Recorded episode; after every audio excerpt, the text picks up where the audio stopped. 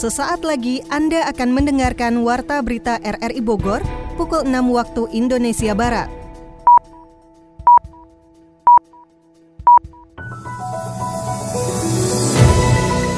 Selamat pagi, salam jumpa.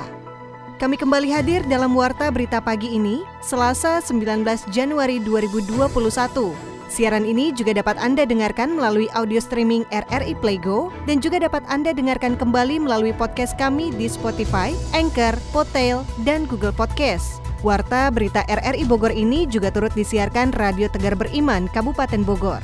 Berikut berita utama pagi ini. Menko PMK mengimbau penyintas COVID-19 untuk mendonorkan plasma konvalesen untuk kepentingan terapi pengobatan bagi pasien gejala sedang hingga kritis. Pemerintah Kota Bogor mulai membuka operasional rumah sakit lapangan COVID-19 di Gor Pajajaran. Sejumlah sekolah di Kabupaten Bogor mengusulkan untuk belajar tatap muka. Bersama saya Marisa, inilah Warta Berita selengkapnya.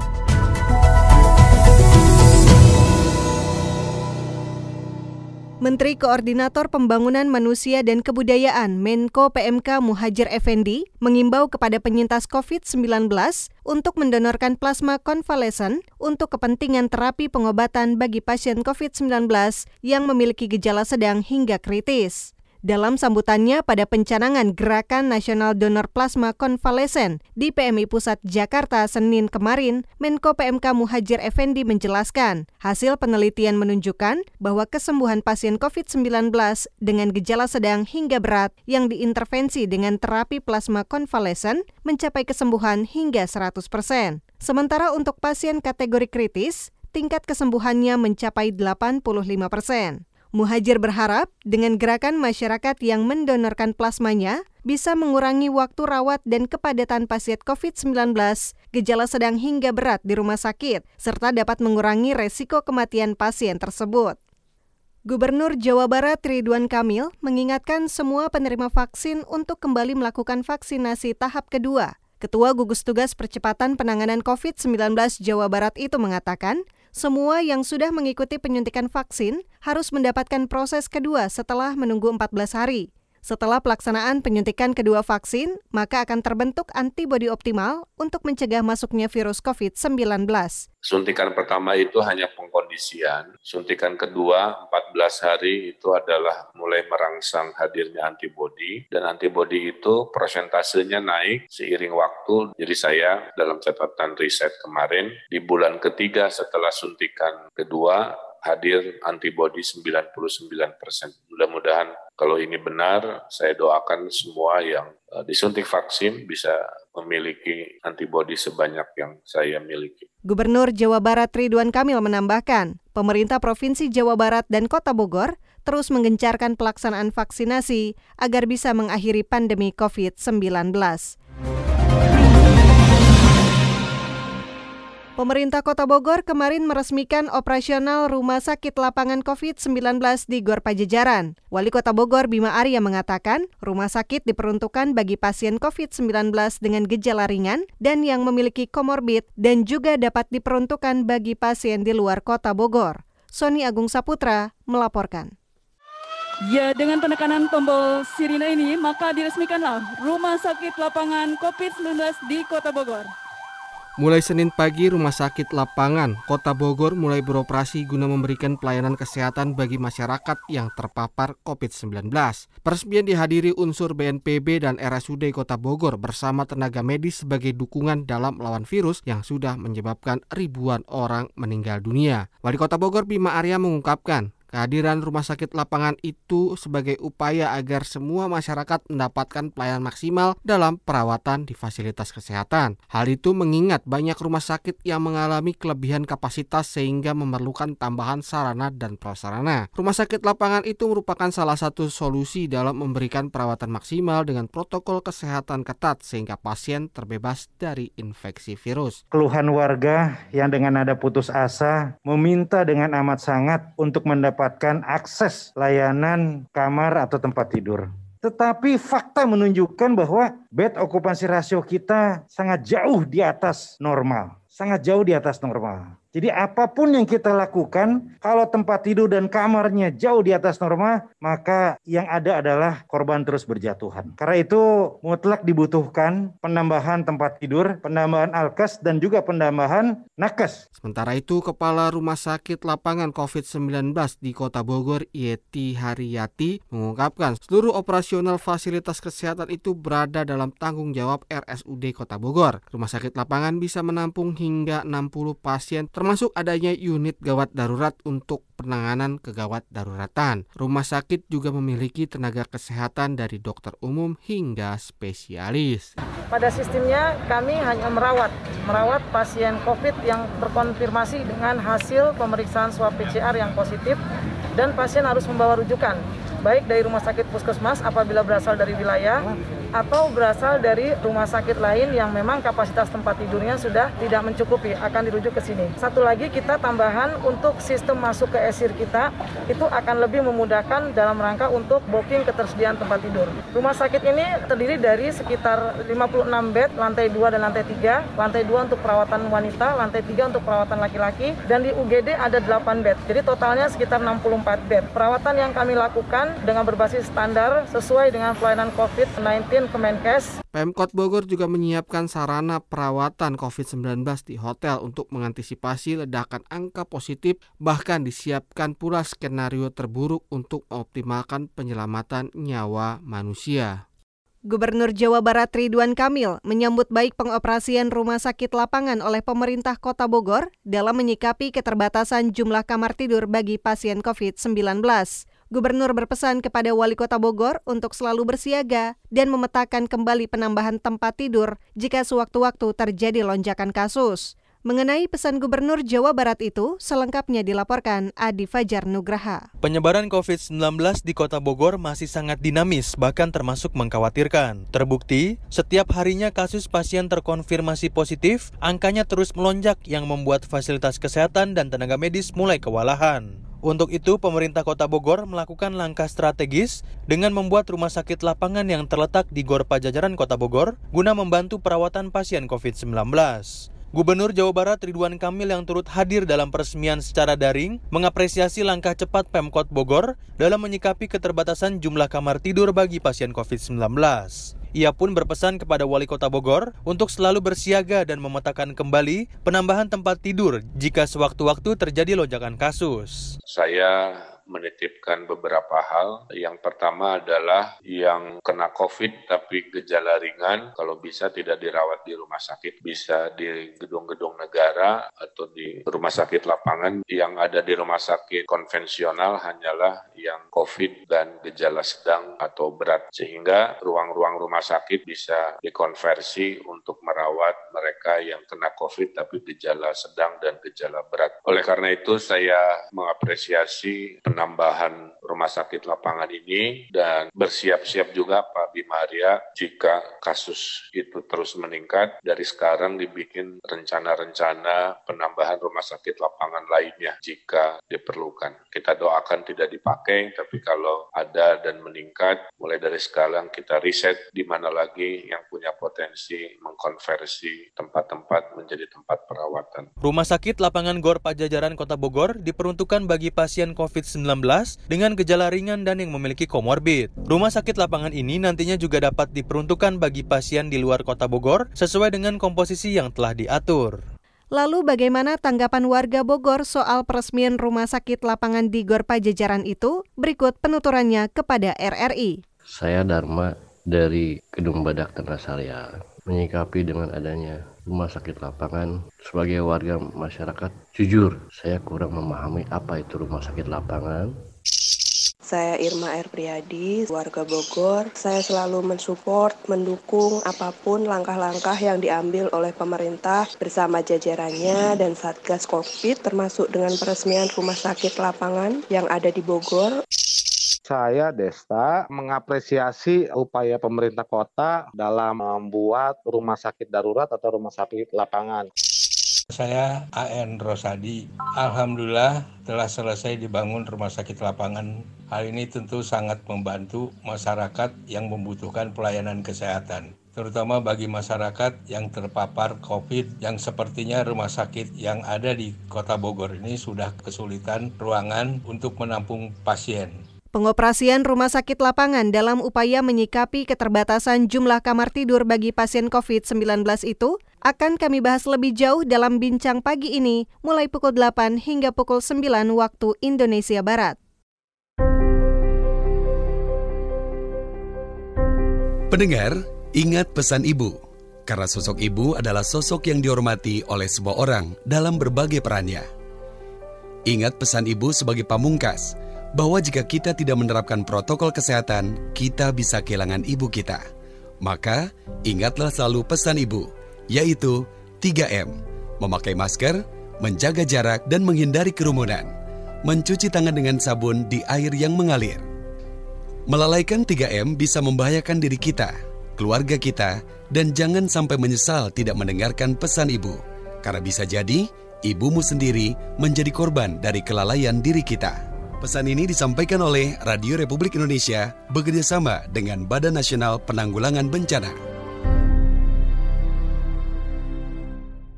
Saudara, Anda tengah mendengarkan Warta Berita dari Radio Republik Indonesia Bogor.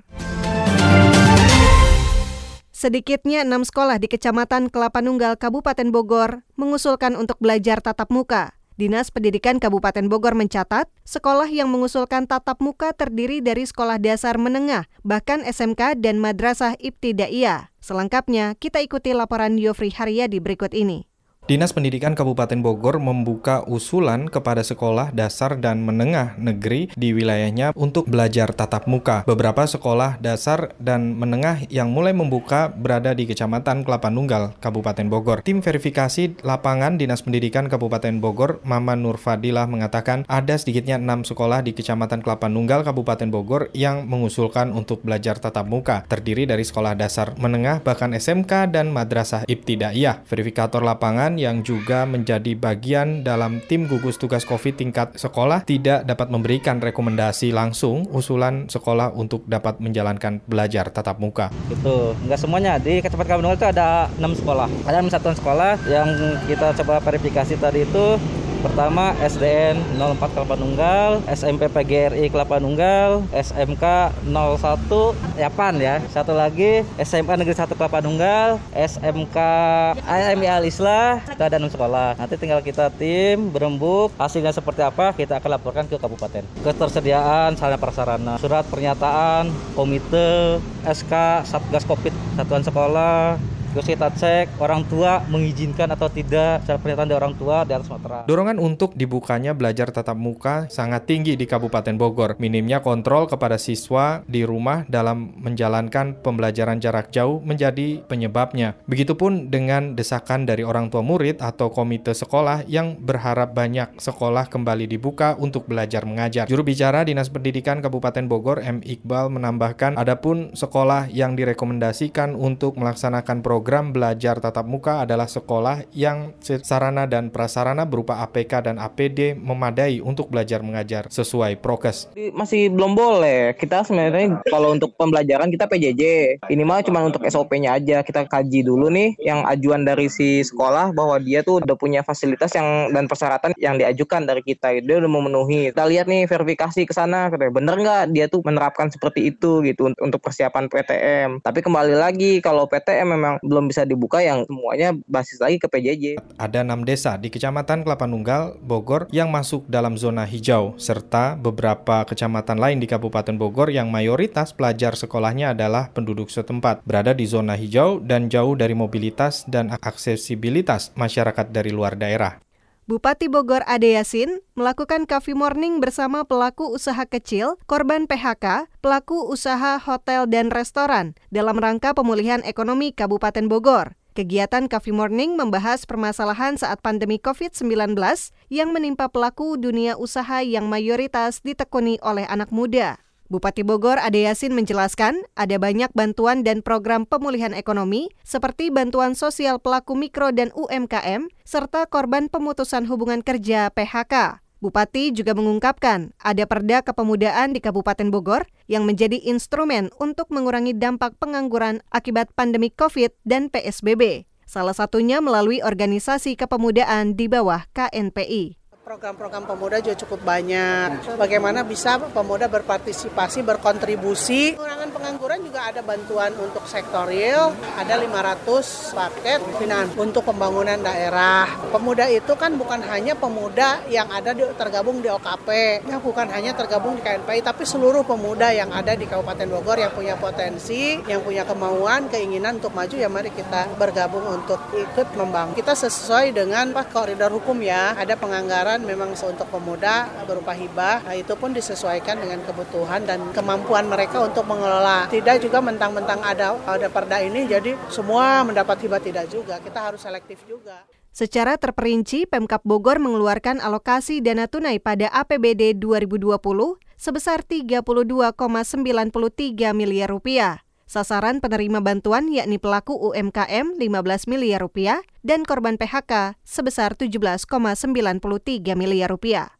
Polresta Bogor Kota membuat layanan aduan melalui call center lalu lintas bagi masyarakat sebagai jalur aduan bila menemukan anggotanya yang tidak tertib atau menyalahgunakan wewenang. Nomor tersebut juga dapat digunakan masyarakat untuk melaporkan jika terjadi kemacetan lalu lintas ataupun laka lantas di jalan. Berikut laporan Adi Fajar Nugraha. Polresta Bogor Kota terus meningkatkan mutu kinerjanya sebagai pelayan, pelindung, dan pengayom masyarakat. Salah satu terobosan yang dilakukan adalah dengan membuat layanan aduan melalui call center lalu lintas bagi masyarakat. Kasat Lantas Polresta Bogor Kota Kompol Andrianto mengatakan, pihaknya akan membuat nomor hotline lalu lintas khusus yang diperuntukkan bagi masyarakat sebagai jalur aduan bila menemukan anggotanya yang tidak tertib atau menyalahgunakan wewenang. Nomor tersebut juga dapat digunakan masyarakat untuk melaporkan jika terjadi kemacetan lalu lintas ataupun laka lantas di jalan raya. Andrianto menambahkan hotline tersebut selalu siaga 24 jam dan pihaknya akan merespon aduan masyarakat dengan sigap itu semua satu kali 24 jam semua akan saya respon.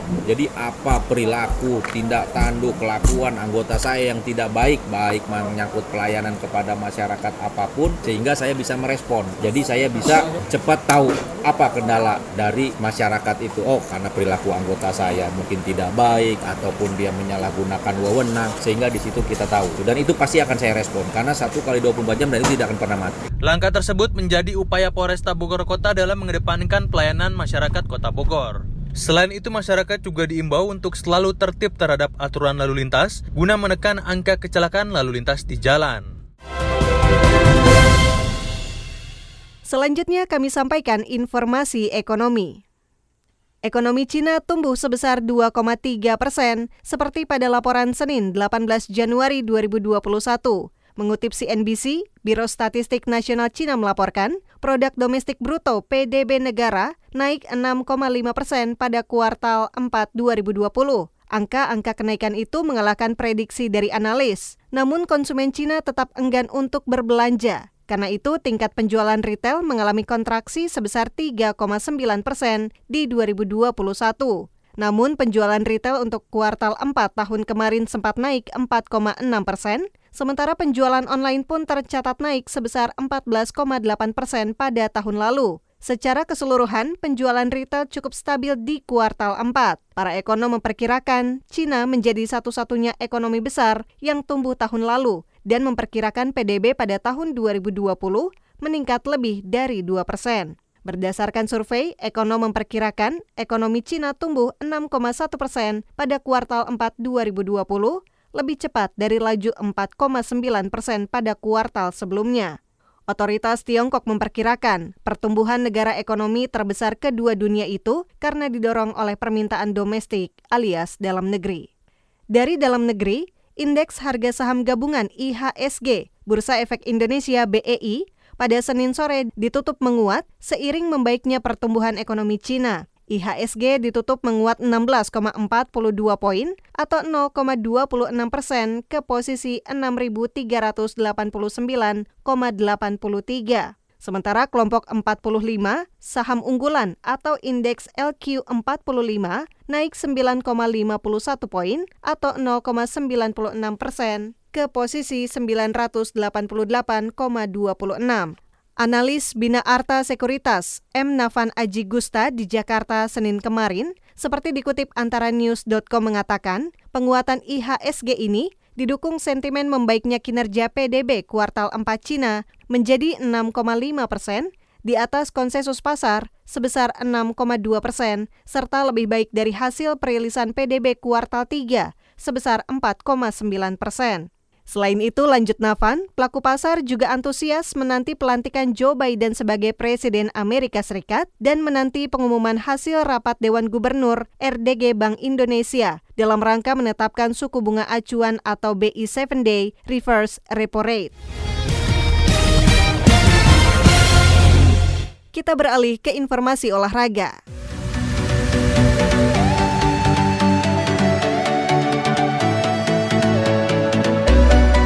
Boca Juniors menjuarai edisi perdana Diego Armando Maradona Cup di Argentina Minggu atau Senin waktu Indonesia Barat setelah meraih kemenangan lewat adu penalti 5-3 atas Benfield.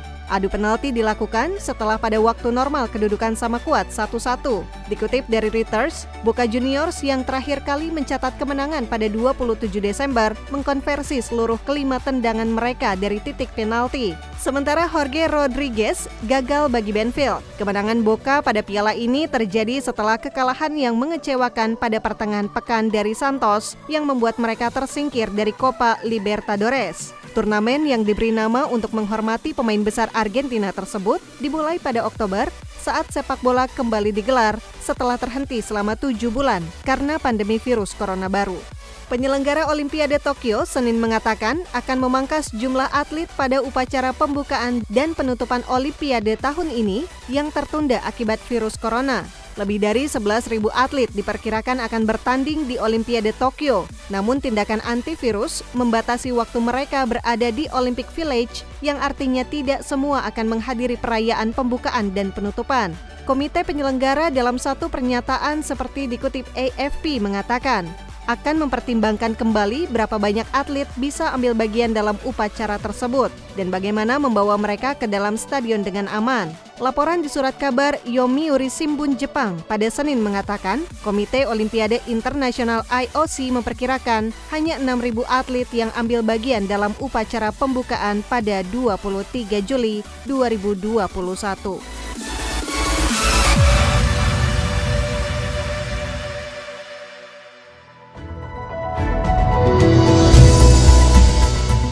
Saudara, demikian rangkaian informasi yang kami hadirkan pagi ini. Namun sebelum berpisah, kembali kami sampaikan sari berita. Menko PMK mengimbau penyintas COVID-19 untuk mendonorkan plasma konvalesen untuk kepentingan terapi pengobatan bagi pasien gejala sedang hingga kritis. Pemerintah Kota Bogor mulai membuka operasional rumah sakit lapangan COVID-19 di Gor Pajajaran. Sejumlah sekolah di Kabupaten Bogor mengusulkan untuk belajar tatap muka. Saya Marisa bersama teknik montase Mahdinur mengucapkan terima kasih atas kebersamaan Anda. Selamat pagi.